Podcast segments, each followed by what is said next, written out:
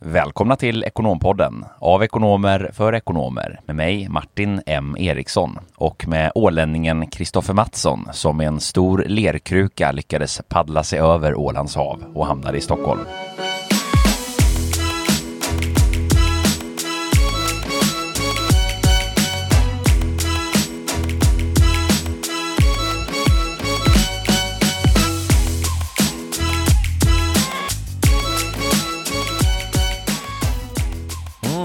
Kul att vara i studion igen och vilket eh, krispigt vinterväder vi har den här oktobermorgon. Vinterväder, nu är du väl lite allt på eh, för fort på snön här, är det inte så? Ja, men det känns ändå som att vintern börjar komma och snart, snart eh, kommer tomten. Det, det går väldigt snabbt här i höst. Det är ju någonting med höstarna, alltså. de, de är ju riktigt, riktigt snabba. Det är, det är definitivt en kortare sträcka mellan sommar och eh, jul än mellan jul och sommar. Hur mår du i övrigt då om vi bortser från vädret? Det var ju länge sedan vi pratade väder i, i podden. Det är ju skönt att vi är tillbaka på det, på den inslagna vägen. Det är någon form av hälsotrend som eh, rör sig här, eh, som en, eh, nästan som en, en löpeld faktiskt, genom, genom hösten för min del. Det är fullt av massa kul idrotts och träningsaktiviteter. Jag var faktiskt senast här på ett väldigt roligt födelsedagsfirande med min vän Daniel som fyllde år och bjöd in då till en alkoholfri födelsedagsfest på Stockholm Beach Club där han hade hyrt hela, hela, hela anläggningen faktiskt. Den här beachklubben i eh, Sollentuna där, där, ja det ser ju inte ut att vara så mycket till beachclub om man tittar på det yttre skalet, men när man väl kommer in där så är det beklätt med palmer och, och sand och volleybollplaner.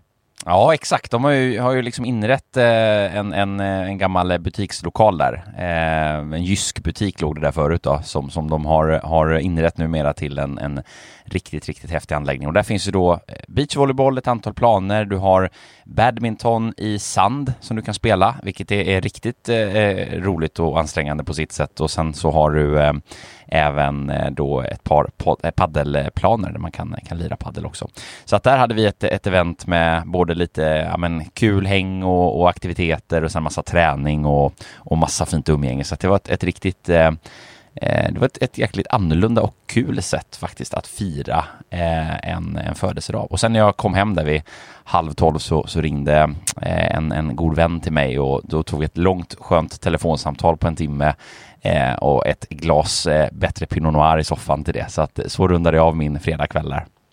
Låter som en riktig svärmorsdröm det där.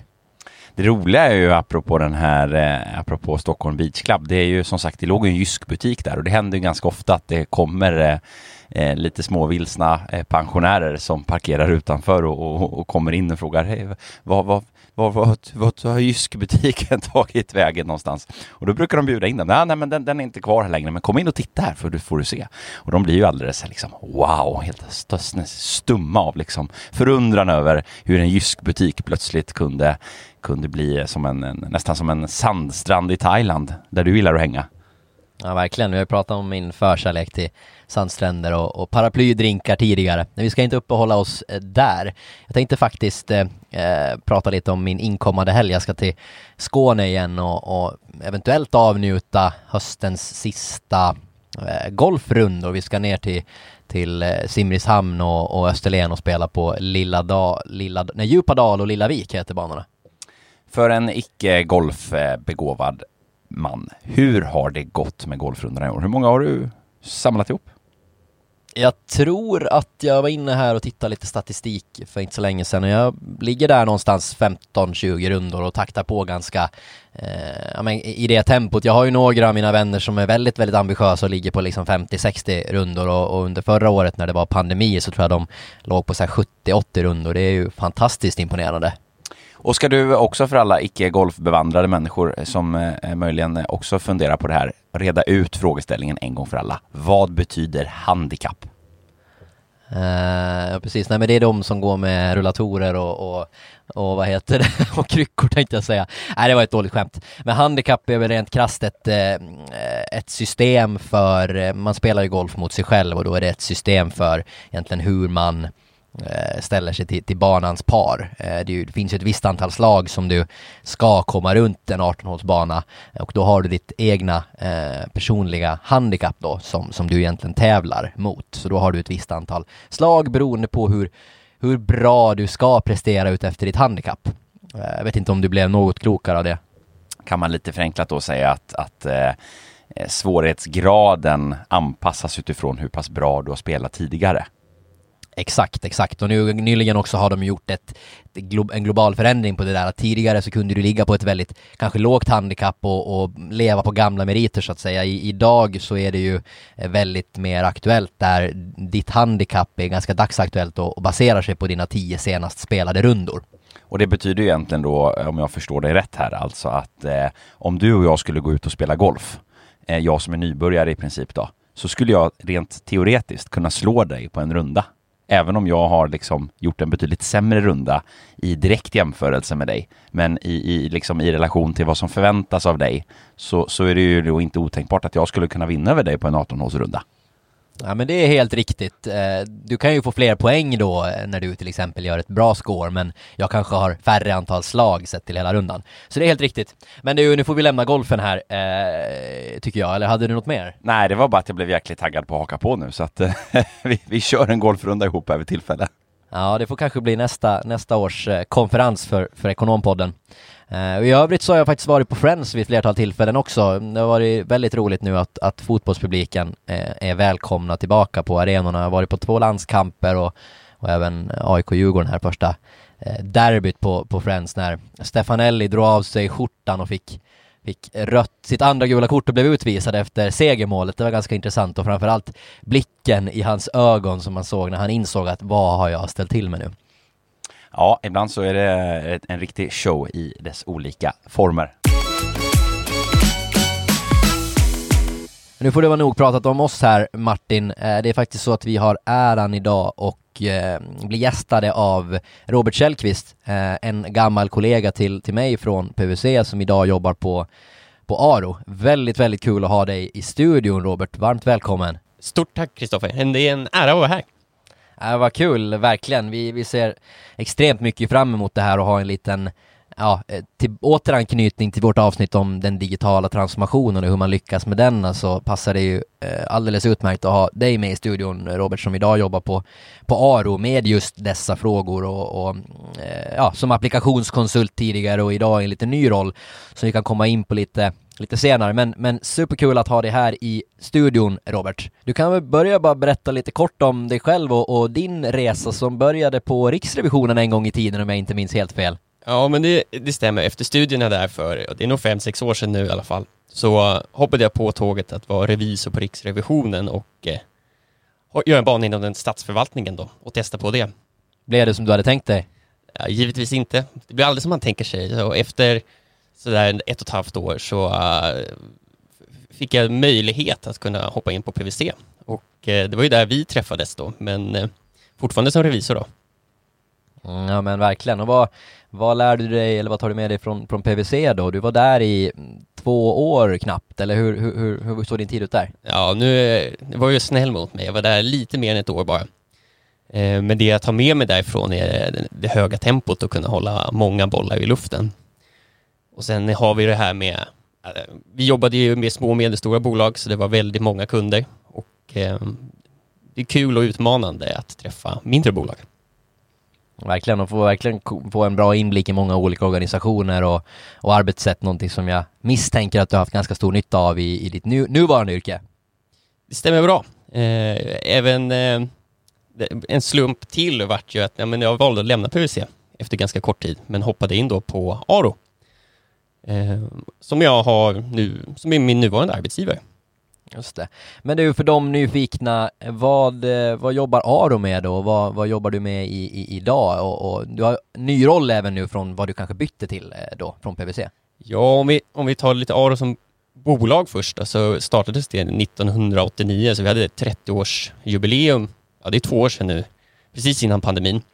Och eh, det är i grund och botten en systemleverantör av eh, koncernkonsolideringssystem som över tid har utvecklats och idag är vi en heltäckande partner inom koncernrapportering med både konsultation, support, utbildning och så vidare.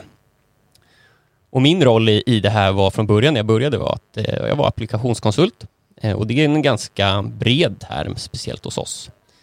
Eh, Som applikationskonsult förväntas du kunna både systemet, men vi rådgiver även i, i de ekonomiska delarna och i det här fallet då koncernredovisning. Härligt. Och hur länge jobbade du som applikationskonsult ungefär och eh, nu har du gått vidare i en ny roll internt? Ja, jag var applikationskonsult ungefär två år, lite mer kanske. Eh, och sen fick jag möjligheten att internt hoppa på en roll som är Commercial Product Lead idag. Där vi jobbar mycket med strategiska och kommersiella frågor om våra produkter och tjänster vi levererar mot marknaden. Och om man har då ett par års, nästan, eh, erfarenhet från revision, små bolag på, på, eh, på exempelvis i det här fallet som du har PVC. Hur eh, kommer man in på spåret Robert och, och börjar jobba med system och systemrelaterade frågor? Det är, det är en, en trend i stort så att säga, men hur var det för dig? Hur kommer det sig att du, att du tog den, den vägen? Min första roll, om man ska gå riktigt långt tillbaka, så studerade jag faktiskt datavetenskap direkt efter eh, gymnasiet. Men eh, jag valde att hoppa av den utbildningen efter cirka ett och ett halvt år då jag kände att att koda, det är inte min grej. Eh, Så jag gjorde ett kort, kort avbrott på ett par månader innan jag hoppade in på en ekonomi, ekonomiutbildning på en kandidatnivå.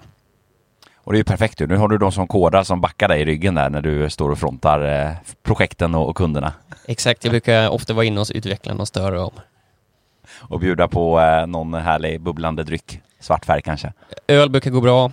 Eh, bullar funkar också beroende på humöret. Cola, hur funkar det med det? Nej, de är inte så mycket för det faktiskt. Nej, där ser man. Det har man ju lite så här trott ibland. Men, men så kan det vara. Inte utvecklarna på Aro. Är det en myt det här att man, eh, alltså att det är väldigt liksom slappt och familjärt och alla springer runt och spelar pingis och, och tjoar och skimmar alla IT-utvecklare eller vad, vad, hur ställer du dig till det? Det finns nog både sanning och myt i detta. Eh, går i perioder. Sanning med modifikation alltså? Jajamän.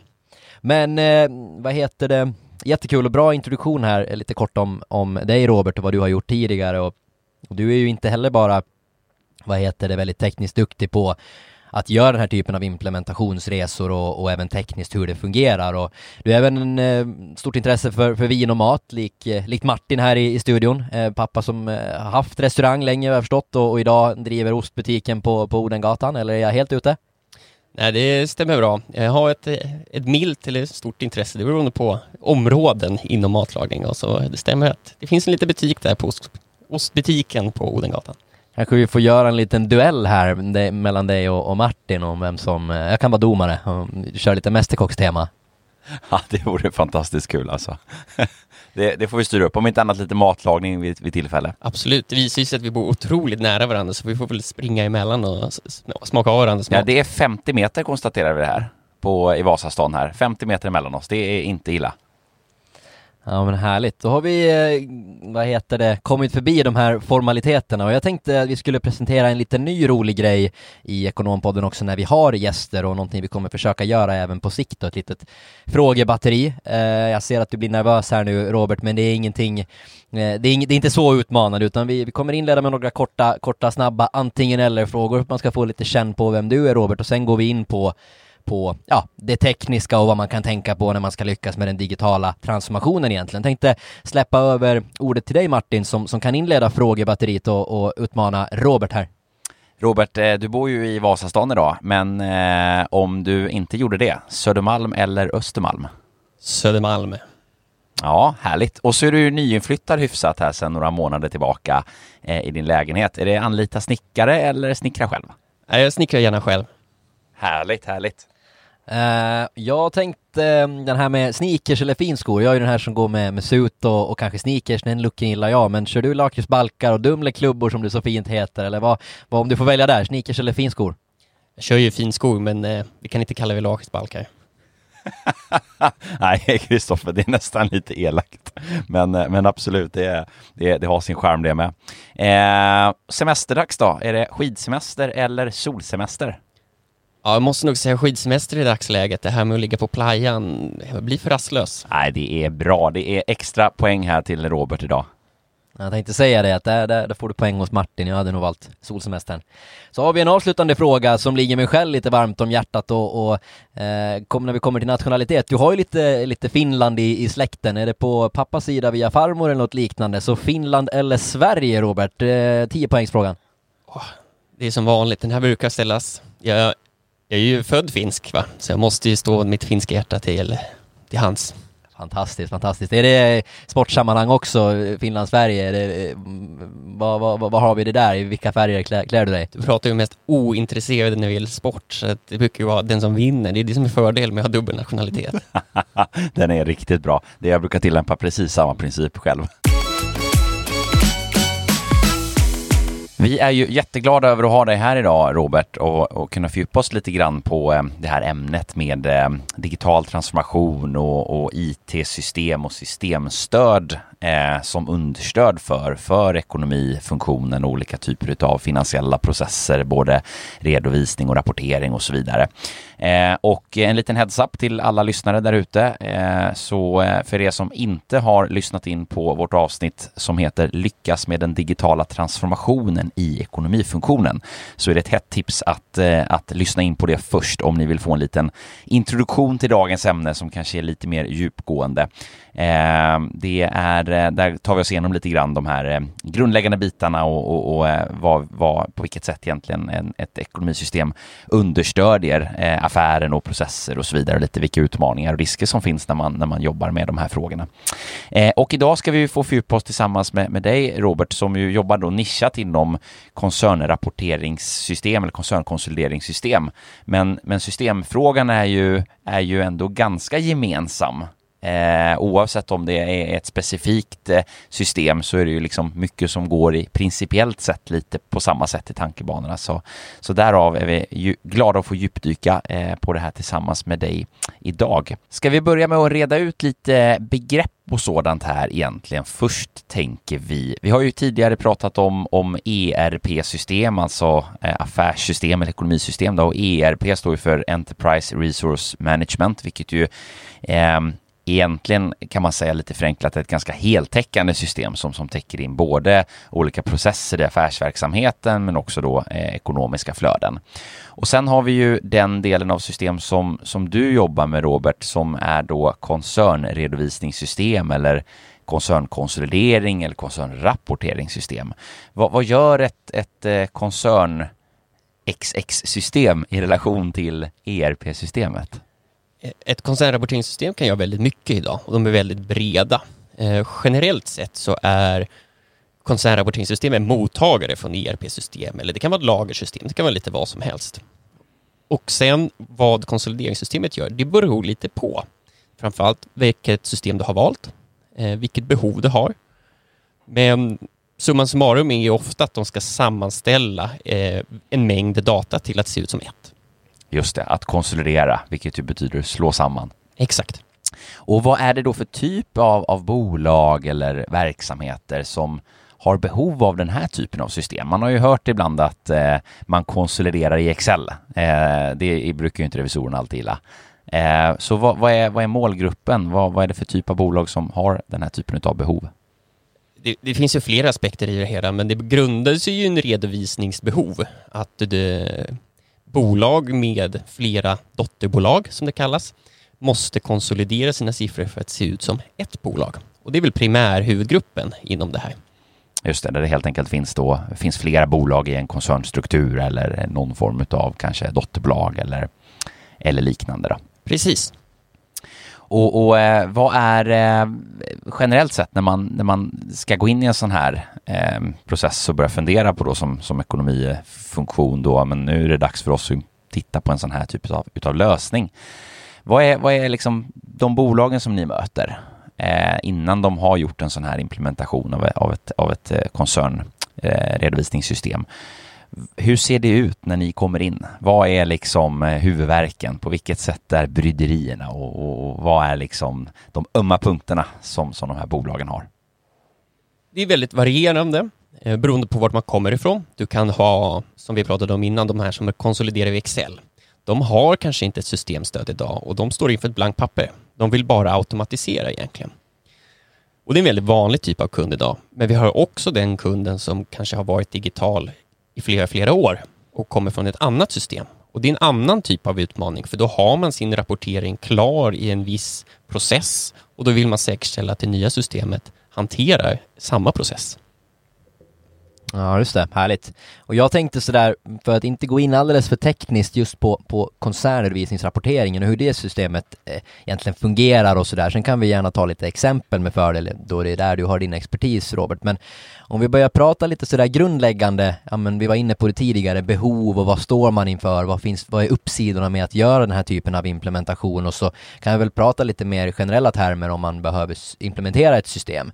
Vad, vad skulle du säga driver det här behovet och liksom trenden mot att bli mer automatiserad och digitaliserad? En stor grej är att man står för en förändringsresa av någon form. Vi har alla hört det här digitaliseringståget som går bland alla bolag egentligen.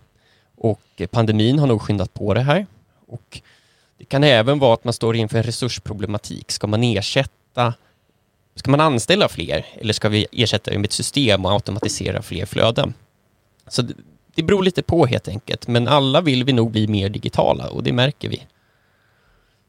Och eh, i den här enormt snåriga djungeln av system, hur tusan går man tillväga om man, man, man har ett liksom upprymt behov och en ambition om att vi ska bli mer effektiva, vi ska arbeta på ett annorlunda sätt, vi vill kanske ha mer tid till rådgivning eller vad den kan tänkas vara, vi vill bara automatisera det. Vad, vad, vad gör man? Vilket system ska man använda och, och hur går man tillväga helt enkelt?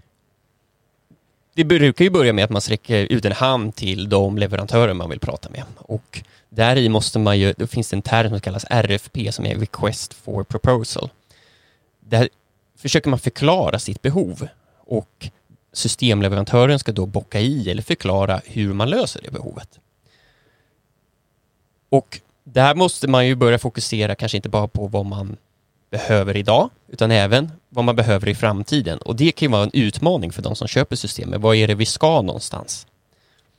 Just det, och i den här RFP-analysen så, så kanske man också gör en inventering att ja men hur ser befintligt systemstöd ut och, och liksom hur ser organisationen ut och just de här frågorna som du är inne på. Vad, vad har vi för tankar, ambitioner på, på kort och på lång sikt? Eller är jag helt fel ute? Nej, det stämmer. Man måste ju blicka framåt. Vad har man för vision i bolaget och vilka affärsmål ska vi uppnå? Och vanligt är idag kanske man kan ta in extern hjälp för att upphandla system och ställa korrekt frågor för att nå fram och säkerställa att man verkligen får ut det rätta av systemet.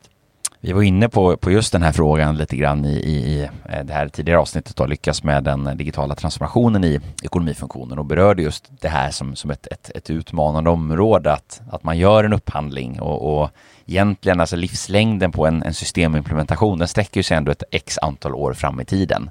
Och, och samtidigt lever vi i en värld som är väldigt svår, svår att förutsäga och, och eh, eh, det är svårt att veta exakt, ja, men även om vi har en idé om våra affärsmål och så vidare så, så kan det vara ganska utmanande att veta men hur, hur kommer det se ut och ibland kan det finnas lite olika typer av scenarier för, ja, men det kanske utvecklas på ett sätt i verksamheten, vi kanske vill vara redo för att utveckla den på ett annat sätt och så vidare.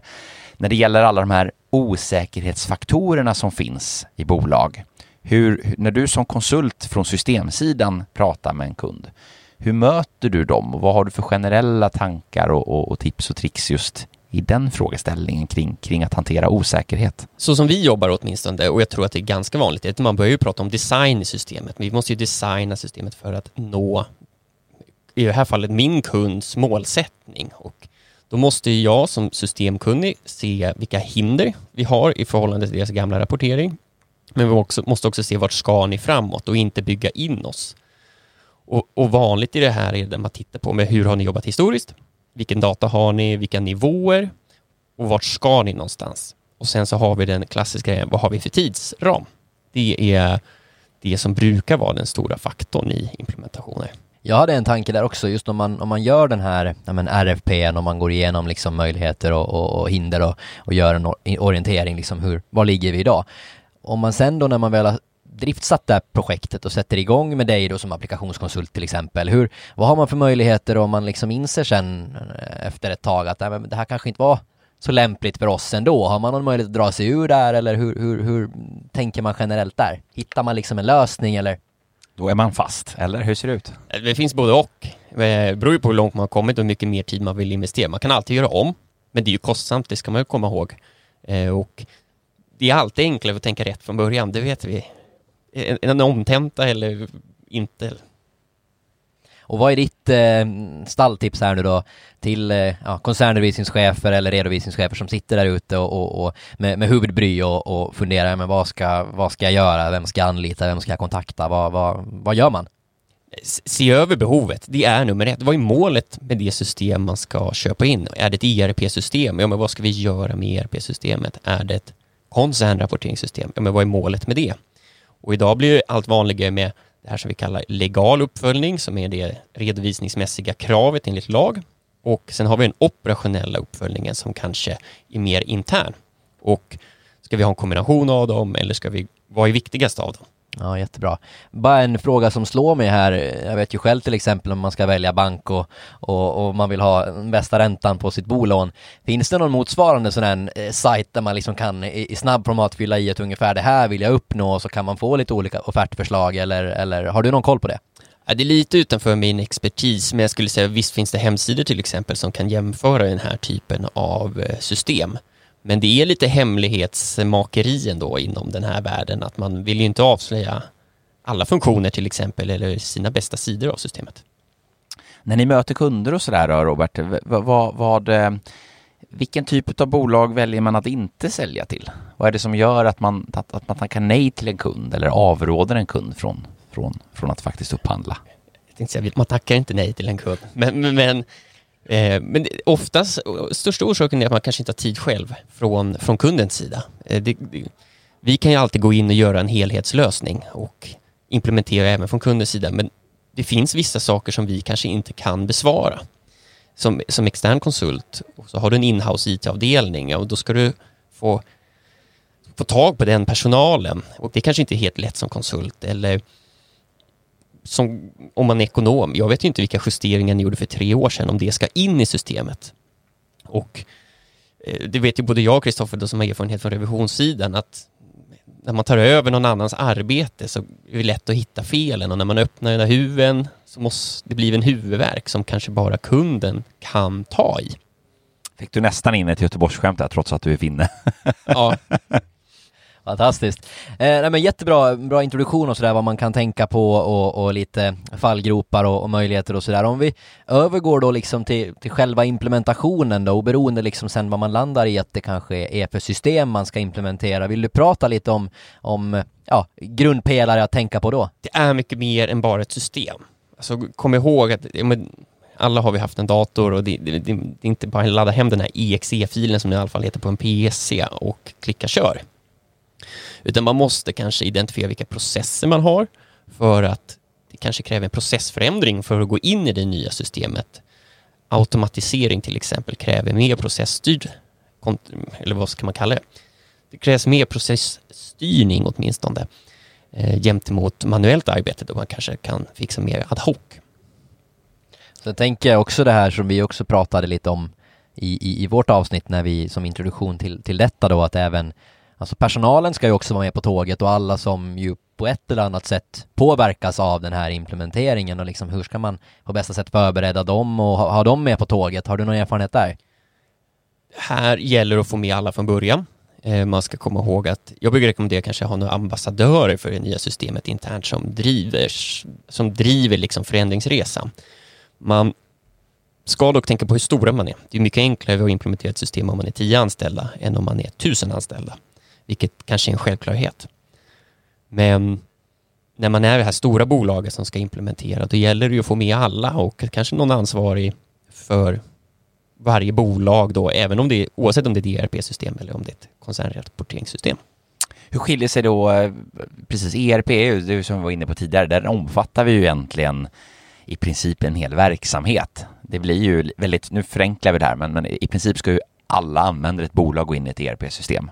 Sen beror det på vad man har för bransch och, och, och exakt hur man jobbar och sådär. Och, och, eh, det skiljer sig från bolag till bolag naturligtvis, men, men en ERP-implementation eh, blir ju på så sätt mycket mer omfattande. Vad, på vilket sätt skulle du vilja beskriva eh, de specifika då utmaningarna ändå i, i, en, i en, en implementation av ett koncernredovisningssystem eh, eller koncernkonsolideringssystem? För där, där begränsar vi oss ändå till någon form av liksom ekonomifunktion som ju sitter och jobbar med de här processerna och de här, de här redovisningstekniska flödena och rapporteringarna. Det stämmer bra. Eh, som du säger så ERP-systemet tar in väldigt mycket verksamhet och oftast ganska mycket detalj.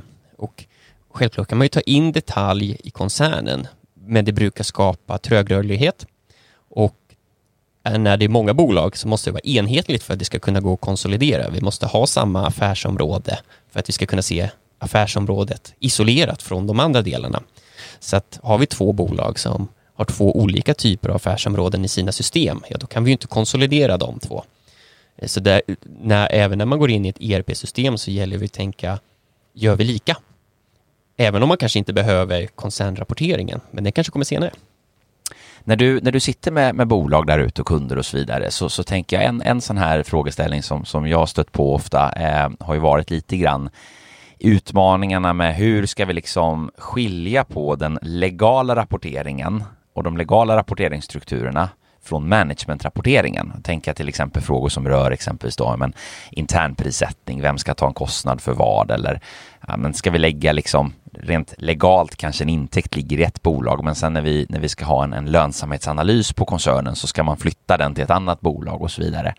Eh, upp, I vilken utsträckning upplever du utmaningar när det kommer till det här och, och kan det vara också på det sättet att bolag som inte har implementerat de här till exempel koncernrapporteringsverktygen att de är omogna i att tänka de här banorna och, och, vad har du för, för erfarenhet och råd där? Min erfarenhet är väl kanske inte jättestor i det området men man kan väl säga att generellt sett tänker man inte på den frågan och systemet kan aldrig lösa eh, den frågan heller. System gör ju det man säger till systemet vad det ska göra, vilket innebär att ska någonting elimineras, som det heter vid koncernredovisning, så kan man ju inte, det sker inte med automatik. Vi måste ju säga vilken post det är som ska elimineras och hur mycket, till exempel.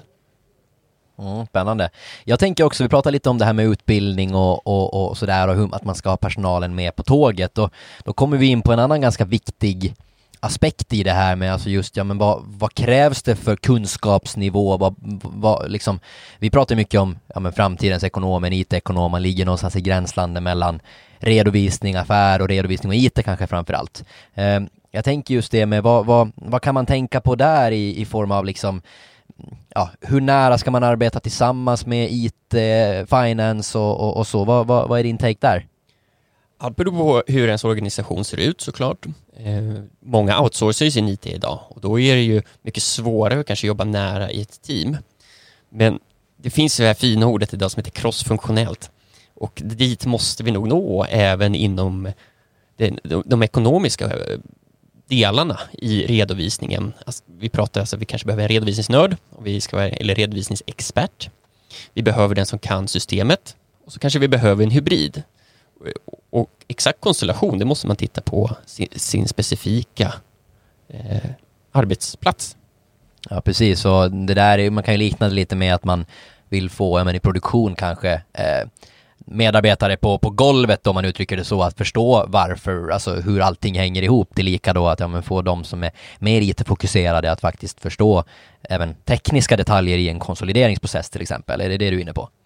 Ja, det är som allt annat egentligen. Vi kan ju inte bara eh, anställa detaljfokuserade människor. Vi måste ju ha dem i helikopterperspektiv och samma gäller alla våra ekonomifunktioner. Vi måste ha någon som kanske har det övergripande ansvaret, någon som tar systemansvaret och någon som tar redovisningsansvaret.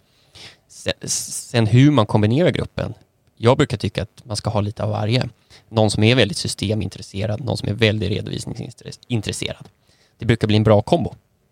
Och sen kommer man in också på de här frågorna som, som ligger mig väldigt varmt om hjärtat med hela change management-resan i det här. Det vill säga att du har fortfarande en, en någonstans en leverans som ska göras hela tiden. Eh, om det, oavsett om det är en, en legal rapportering eller om det är en styrelserapportering eller om det är eh, månadsbokslut som ska stängas eller fakturor som ska, som ska eh, så att säga bockas av att vi har fått betalningar. Det spelar egentligen ingen roll vad det än är. Så har vi ju en, en löpande leverans och det är alltid den vi krigar emot i de här förändringsresorna. För förändring tar ju tid och energi.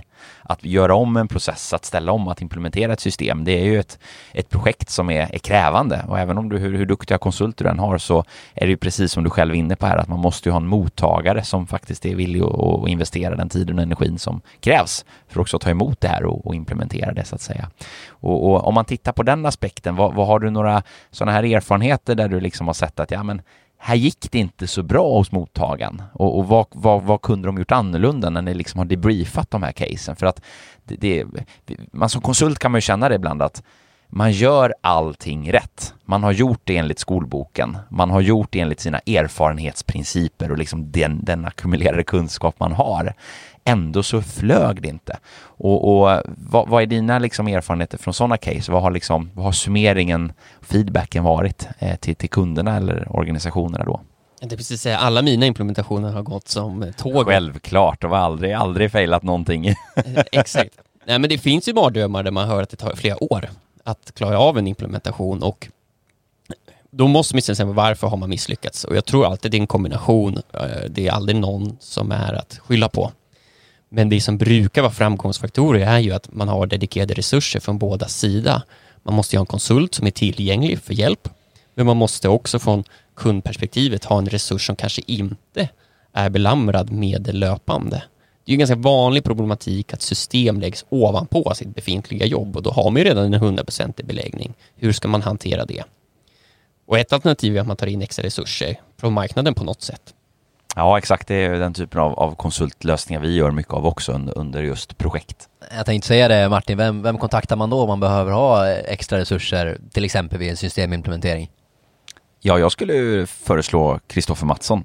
Det är ju en, en bra person. Det är, och sen om man ska diskutera ledarskap och change management och liknande, då kan man höra av sig till mig. Och ska man implementera koncernredovisningssystem så kan man med fördel ringa till Robert då? Gärna. Tycker vi är en, en väldigt bra, bra summering.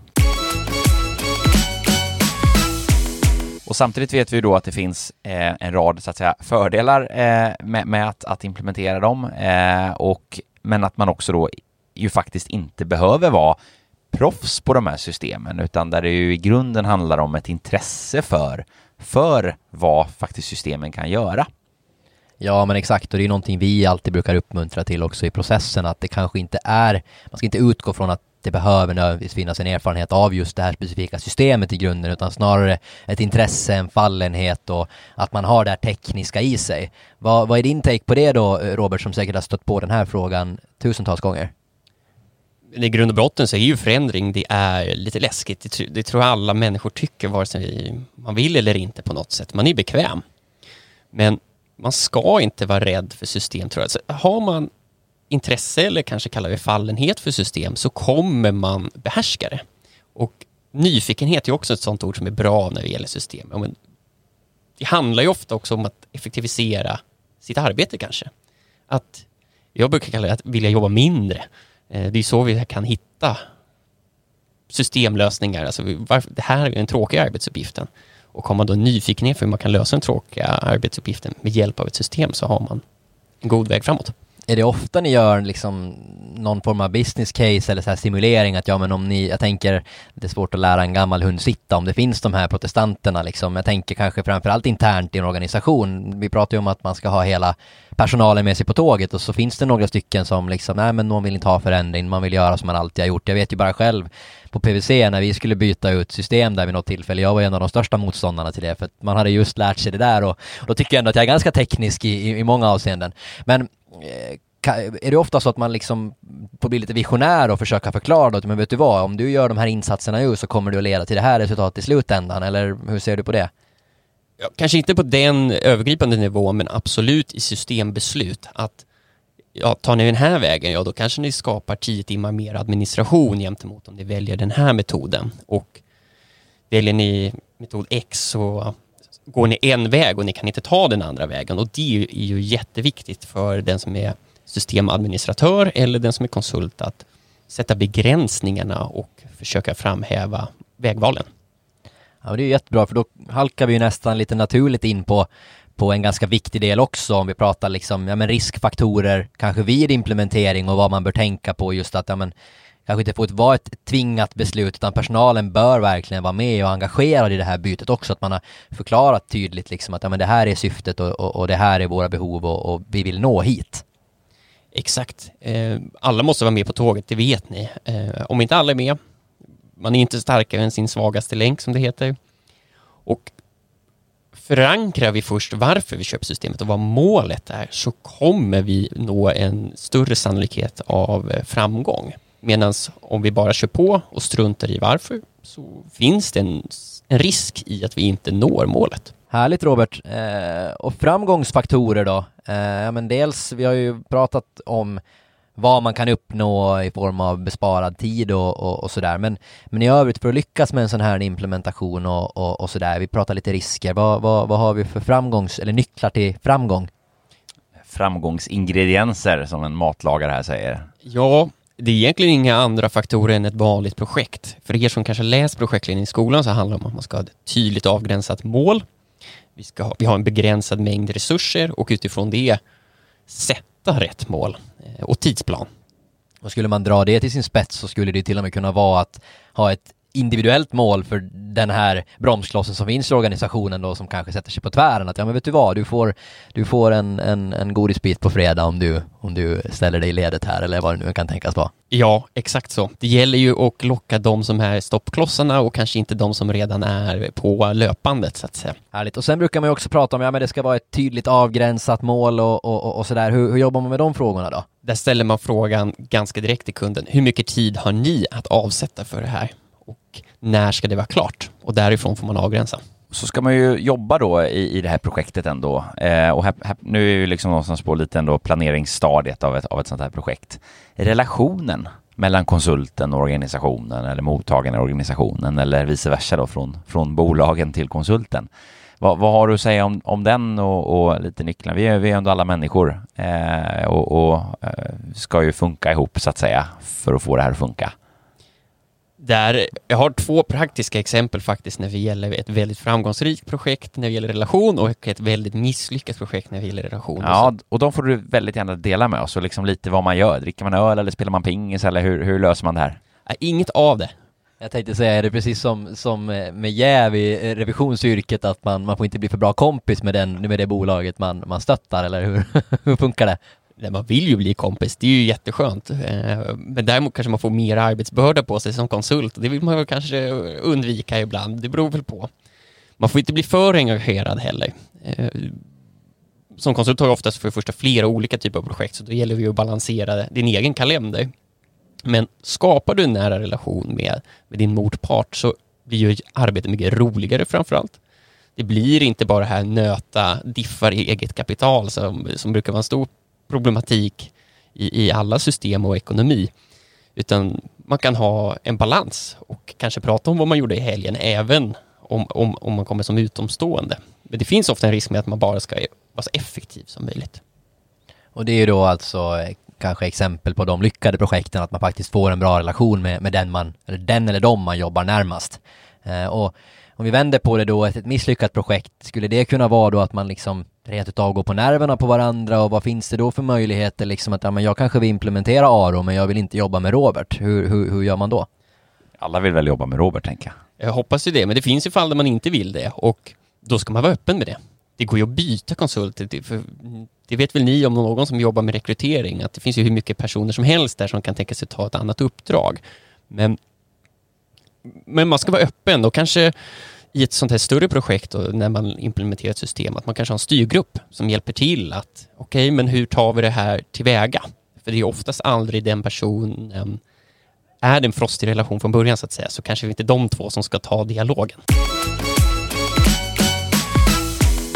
Eh, en annan tanke då, vi, vi, har ju varit inne på det, att det är väldigt, eh, kan bli väldigt långdragna projekt och det är ju en löpande kommunikation hela tiden och, och sådär. Men, men sen då när man väl har systemet på plats och, och man har druckit den där avslutningsölen med sin applikationskonsult som man förhoppningsvis tycker bra om, vad, vad, är, är det klart där sen eller vad, vad, vad har man betalat för egentligen? Man väljer ju själv, men jag skulle säga att ett system blir aldrig klart självklart är det en linjeorganisation där det inte händer någonting, ja då behöver vi inte följa upp någonting nytt. Och då behöver kanske systemet inte förändras. Men det kommer alltid ske någon förändring skulle jag vilja säga. Man kan titta på att mjukvaran uppdateras och då måste vi uppdatera systemet. Det kan vara att man får in en ny VD och då måste man förändra sin rapporteringsrutin och mäta nya kopior eller annat. Så att projektet slutar och då säger man egentligen till kunden, nu är det ditt ansvar nu flyger du själv, men vi finns här som hjälp i ditt nästa steg i förändringen. Och det är väl en jättebra sån där medskick att ha med i kravspecen också, att ja men vad, vad kan man förvänta sig för stöd och support? Dels under naturligtvis implementeringen, men kanske framförallt efteråt också när man växer som organisation, för det är ju trots allt det som ändå är huvudsyftet med själva implementeringen, att det ska lira med vart bolaget eller organisationen är på väg. Ja, och en annan framgångsfaktor är ju sätt ett ganska begränsat scope till en början och gör förändringen löpande över tid istället för att göra ett långdraget implementationsprojekt där man kanske aldrig når målet. Nej, det är en väldigt fin summering tycker jag på, på just det där. Tänkvärd sådan. Eh, just ambitionsnivån lite grann. Vad ska den vara? Det är klart att om ambitionsnivån i ett projekt är att det ska vara 100 procent, ja, och det vilket det aldrig kommer bli, då blir man ju aldrig klar. Men sätter man det till 80 och sen så jobbar man med fintweaka löpande, så, så är det ju helt rätt väg att gå. Och dessutom förändras verksamheten. Jag brukar raljera om det med, med implementationer och projekt att eh, lagom till att man är klar med implementationen så har man ju nya behov.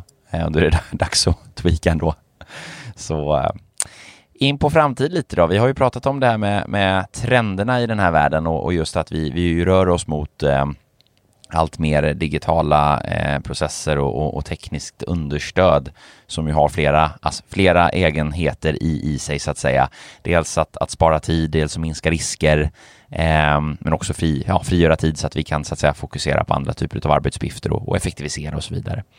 Vad ser du för, för trender, eh, Robert? Vad är din trendspaning som jobba med de här frågorna. Jag tror inte man ska ställa sig skeptisk till system. Systemen kommer inte minska, snarare tvärtom. Titta på alla system du bara använder idag. Jag tror att om man skulle mappa vad man själv har för system, allt från väckarklockan till ja, koncernrapporteringen ut mot börsen kanske, så är det otroligt många system. Och sätter man sig på tvären, så det här är min personliga åsikt, så tror jag att man halkar lite efter.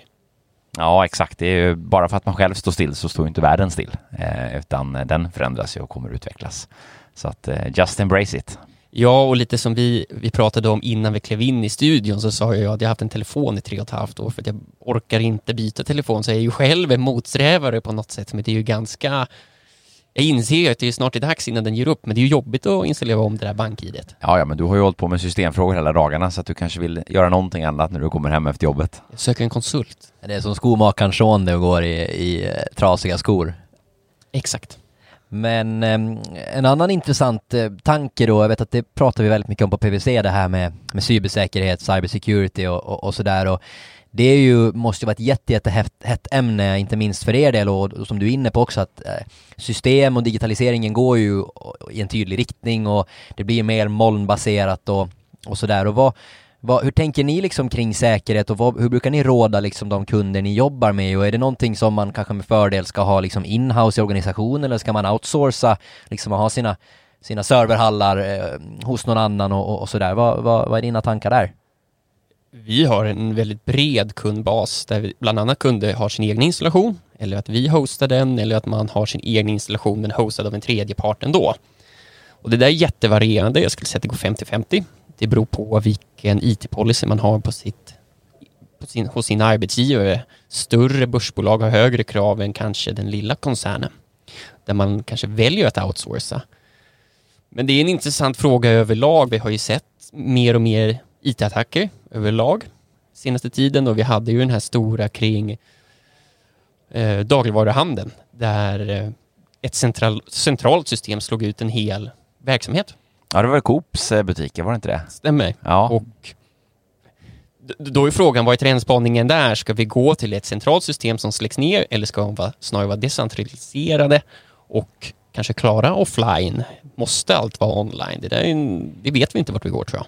Nej, precis. Det har ju varit en, en molntrend här ett tag. Eh, men jag menar, molnet är ju, det är ju inte ett moln, utan det betyder egentligen bara att informationen finns någon annanstans, eh, på en annan server, lokalt någonstans, men att informationen skickas eh, mellan de här två platserna egentligen då, mellan verksamheten där man sitter och, och knackar på sin dator eller eh, sin platta eller vad det nu är, eh, och då där servern ligger och där liksom själva eh, datat ligger så att säga. Då. Ja, jag kan bara hålla med. Det är ju väldigt intressant och Eh, vi går ju mot en snabbare och snabbare värld också på något sätt. Att allt ska, allt, allt ska gå otroligt fort eftersom datakraft är mer eller mindre gratis. Går det liksom att, jag tänker om man nu står de här tankarna nu då, att man liksom implementerar system och sådär. Du säger det att ja, men det, systemet kommer inte minska utan tvärtom och, och jag menar jag kan tänka mig många som sitter och lyssnar på det här och tänker att ja men det här låter väldigt, väldigt dyrt. Kan man liksom Gör någon uppskattning så liksom att ja men vad, vad kostar den här typen av projekt och, och liksom ja men ingenting är gratis eh, heter det av en anledning. Nej, men jag brukar ställa frågan, okej, okay, om vi ska växa, vad är alternativkostnaden då? Alternativkostnaden är att anställa mer personal. Åtminstone på den svenska marknaden så är personalen relativt dyrt och då blir system kanske ganska snabbt lönsamt att implementera. Men återigen kopplat till behovet, man kanske inte bara ska upphandla ett system. Det kanske är billigare att upphandla tre system som pratar med varandra istället, vilket också är ganska vanligt idag. Ja, precis. Inte, det behöver inte alltid vara eh, one size fits all så att säga, utan man kan behöva skräddarsy lite grann och hitta, hitta samarbetena. Eller one piece kanske inte alltid är lösningen, utan en, en, en överdel och en underdel. Så är det. Eller vad säger du, klädd snobben? absolut, absolut. Jag behöver faktiskt fylla på höstgarderoben här nu. Jag insåg det här om dagen att man har ju inte gått med, eller jag, när man har arbetat så mycket hemifrån så har man ju gått med extremt lite. Tidigare gick jag ju kostym ändå förhållandevis ofta. Nu, nu har jag växt ur alla mina kostymer tänkte jag säga och behöver gå antingen till skräddaren eller köpa nya. Men det är väl, finns väl något härligt i det också. Ja, precis. Eller koppla på lite mer höstsport här så att du kommer i, i, in i dem. Ja, exakt. Nej men vi pratade också tidigare det här med men, rapportering till olika intressenter, både internt och externt och rapporteringsfrekvensen men, ökar väl i, i, i många, många olika, eh, olika fall och, och sådär. Och jag tänkte, vad är din take liksom på, på framtidens rapportering? Vad, vad har vi att vänta oss liksom de kommande åren eller årtiondena?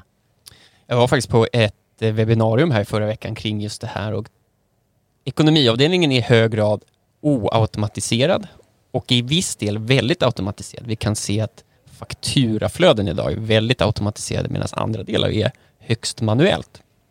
Och anledningen till varför vi är där är det får inte gå fel i vår rapportering. Vi måste bli rätt.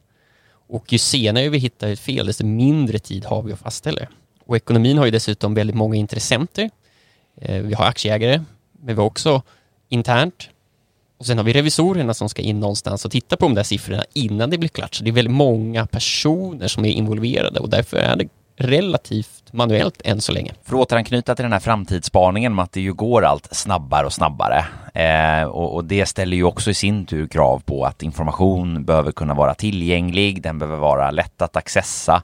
Man ska inte liksom behöva eh, ja, ladda data till höger och vänster i en viss ordning mellan olika system, utan det behöver vara ganska sömfritt och seamless som man pratar om.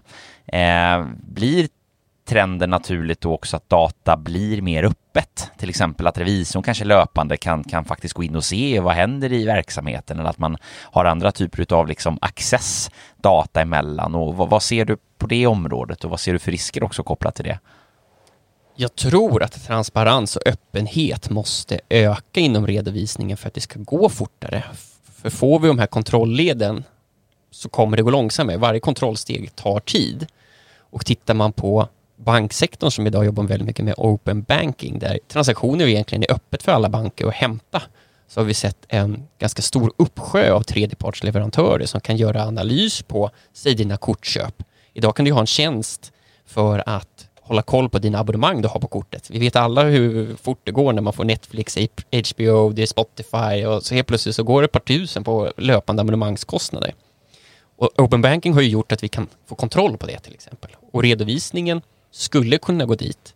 Men det är ju affärskänslig information så det är svårt att säga. Ja, det är verkligen en intressant eh, trendspaning alltså, för att det, det är som du själv är inne på här, det öppnar ju upp för Eh, för ändå en access av tjänster att kunna liksom erbjuda plötsligt eh, analysverktyg som säger att eh, fokusera på den här kundgruppen imorgon därför att där kommer ni eh, ha jättemycket affärer att hämta. Men det, det ställer ju krav på också att man öppnar upp och släpper ut så att säga. så, att det är, det är en intressant trend och där har man ju regelstyrt ju tagit det alltså inom finansiell sektor, pratar om open banking, det finns ett regelverk där PSD2 som ju reglerar det här och där ju man då regelmässigt från statens håll, eh, Finansinspektionens håll har sagt att det är så här vi ska ha öppenheten just för att det ska då finnas öppenhet för konsumenterna. Och, och inom, inom de här mer affärsnära verksamheterna så regleras ju det inte riktigt på samma sätt men, men det, är, det är ju väldigt, väldigt intressant. Eh, jag tror att vi kanske om, om några år, eh, fem, tio år kan sitta och återanknyta här till intervjun med, med dig Robert och faktiskt säga att du var på den här frågan redan, eh, redan då, vilket är kul. Det var ett superkul om jag var först på den här spaningen, men jag, jag tror inte jag är det, men vi får väl se eh, vart, vart vi landar. Tidig om inte annat. Ja, det är en bra spaning framförallt som vi, vi ändå kan understödja. Men eh, jag tänker vi kan väl börja avrunda eh, där Robert och jättebra diskussioner och har du någonting sådär avslutande som, som bara poppat upp som du, ja men kanske stalltips var vi inne på lite tidigare och, och, och sådär men om man skulle summera det lite i korta drag vad man går i de här tankarna, man kanske är mitt uppe i en implementation eller vilket system ska man ta eller vad ska jag göra, hur, sådär. Har du något sådär avslutande som du vill delge med, eller delge lyssnarna? Framförallt så har vi ekonomer som lyssnar på det här och jag vill säga till er att var inte rädda för att ta tag i systemfrågorna och våga ifrågasätta kanske ett nuvarande system för att hitta ett nytt systemstöd. Och kör på. Det är roligt och ni kommer frigöra arbetstid framöver om det kanske kostar lite nu. Och ett litet tillägg eller rättelse här om, om PSD2 också. Det är ju, jag sa ju Finansinspektionen, men det är ju från början ett eh, betaltjänstdirektiv. Det är ett europeiskt direktiv som, som reglerar de här betaltjänsterna och betalningsleverantörer inom, inom EU då. Eh, och, och, Finansinspektionen har ju då rullat ut det så att säga för, för svenska bolag och jobbar ju då med, med, med eh, regelverket eh, och tillämpningen och uppföljningen eh, för, för, eh, för verksamheter i Sverige. Ja, det gäller att hålla tungan rätt i mun. Jag kommer ihåg nu när du dribblar bort det där med debet-kredit när vi pratar om redovisning, redovisning också, så det är inte alltid så lätt alla gånger. Nej, det går fort i poddstudion ibland. Bandet rullar ju så att eh, det vill ju till att hålla tungan rätt i mun. Verkligen, och med det sagt så tänkte jag att vi skulle kunna avrunda dagens avsnitt. Eh, jätte, jätte intressanta diskussioner tycker jag själv och hoppas även att ni lyssnare fick, fick med er någonting här. Och, och nu har vi hållit det på en ganska generell nivå och Robert finns ju också tillgänglig, vi ser till att, att han kan besvara eventuella frågor eller om man för den del står inför den här eh, ja, tankarna att man vill eh, komma i kontakt till exempel med, med Aro och har de här, ja men, har någon, någon frågeställning så, så ser vi till att, att vi får svar och, och, och, och på de bitarna. Eh, så med det vill rikta ett jättestort tack till dig Robert för att du ville vara med oss här idag och jättekul att höra dina, eh, dina spaningar och din erfarenhet inom det här gebitet. Stort tack Kristoffer, det var superkul att vara med. Och om två veckor, kära lyssnare, så har vi verkligen mycket att se fram emot och lyssna till. Eh, vi kommer nämligen att bli gästade av Anna-Lena Wretman, eh, en, en i ja, mitt eget tycken av Sveriges coolaste och häftigaste fintech-kvinnor. Eh, och hon är VD för Fundler idag Eh, och eh, har då tidigare egentligen varit med om hela Swish-resa och var med och byggde upp det till vad det är idag. Martin, det ser vi verkligen fram emot. Ja, precis. Anna-Lena kom in där som eh, tredje personen på Swish, eh, tog vd-rollen och, och eh, byggde upp verksamheten tillsammans med alla kollegorna. Hon har en eh, gedigen branscherfarenhet från teknik och finans och fått ta emot en rad utmärkelser, bland annat Årets bankprofil 2020 från Privata Affärer, Digital Leader of the Year 2020 från Nordic Women in Tech samt Årets digitala svensk 2019 från tidningen Fokus. Så eh, henne ser vi varmt mycket fram emot att ha här i studion om två veckor. Ja, det jag kan verkligen hålla med och eh, vi kommer prata, eh, eller vi tillsammans med Anna-Lena kommer prata bland annat om hur man bygger framgångsrika organisationer, hennes syn på, på ledarskap och kanske framför allt då hennes jätteinspirerande och fantastiska resa eh, som hon har haft i karriären och även spaningar framåt på fintech Sverige och fintech i världen. Det ser vi verkligen fram emot, så missa inte detta om två veckor. Stort tack och eh, ha en fortsatt härlig vecka alla. Hej då! Hej!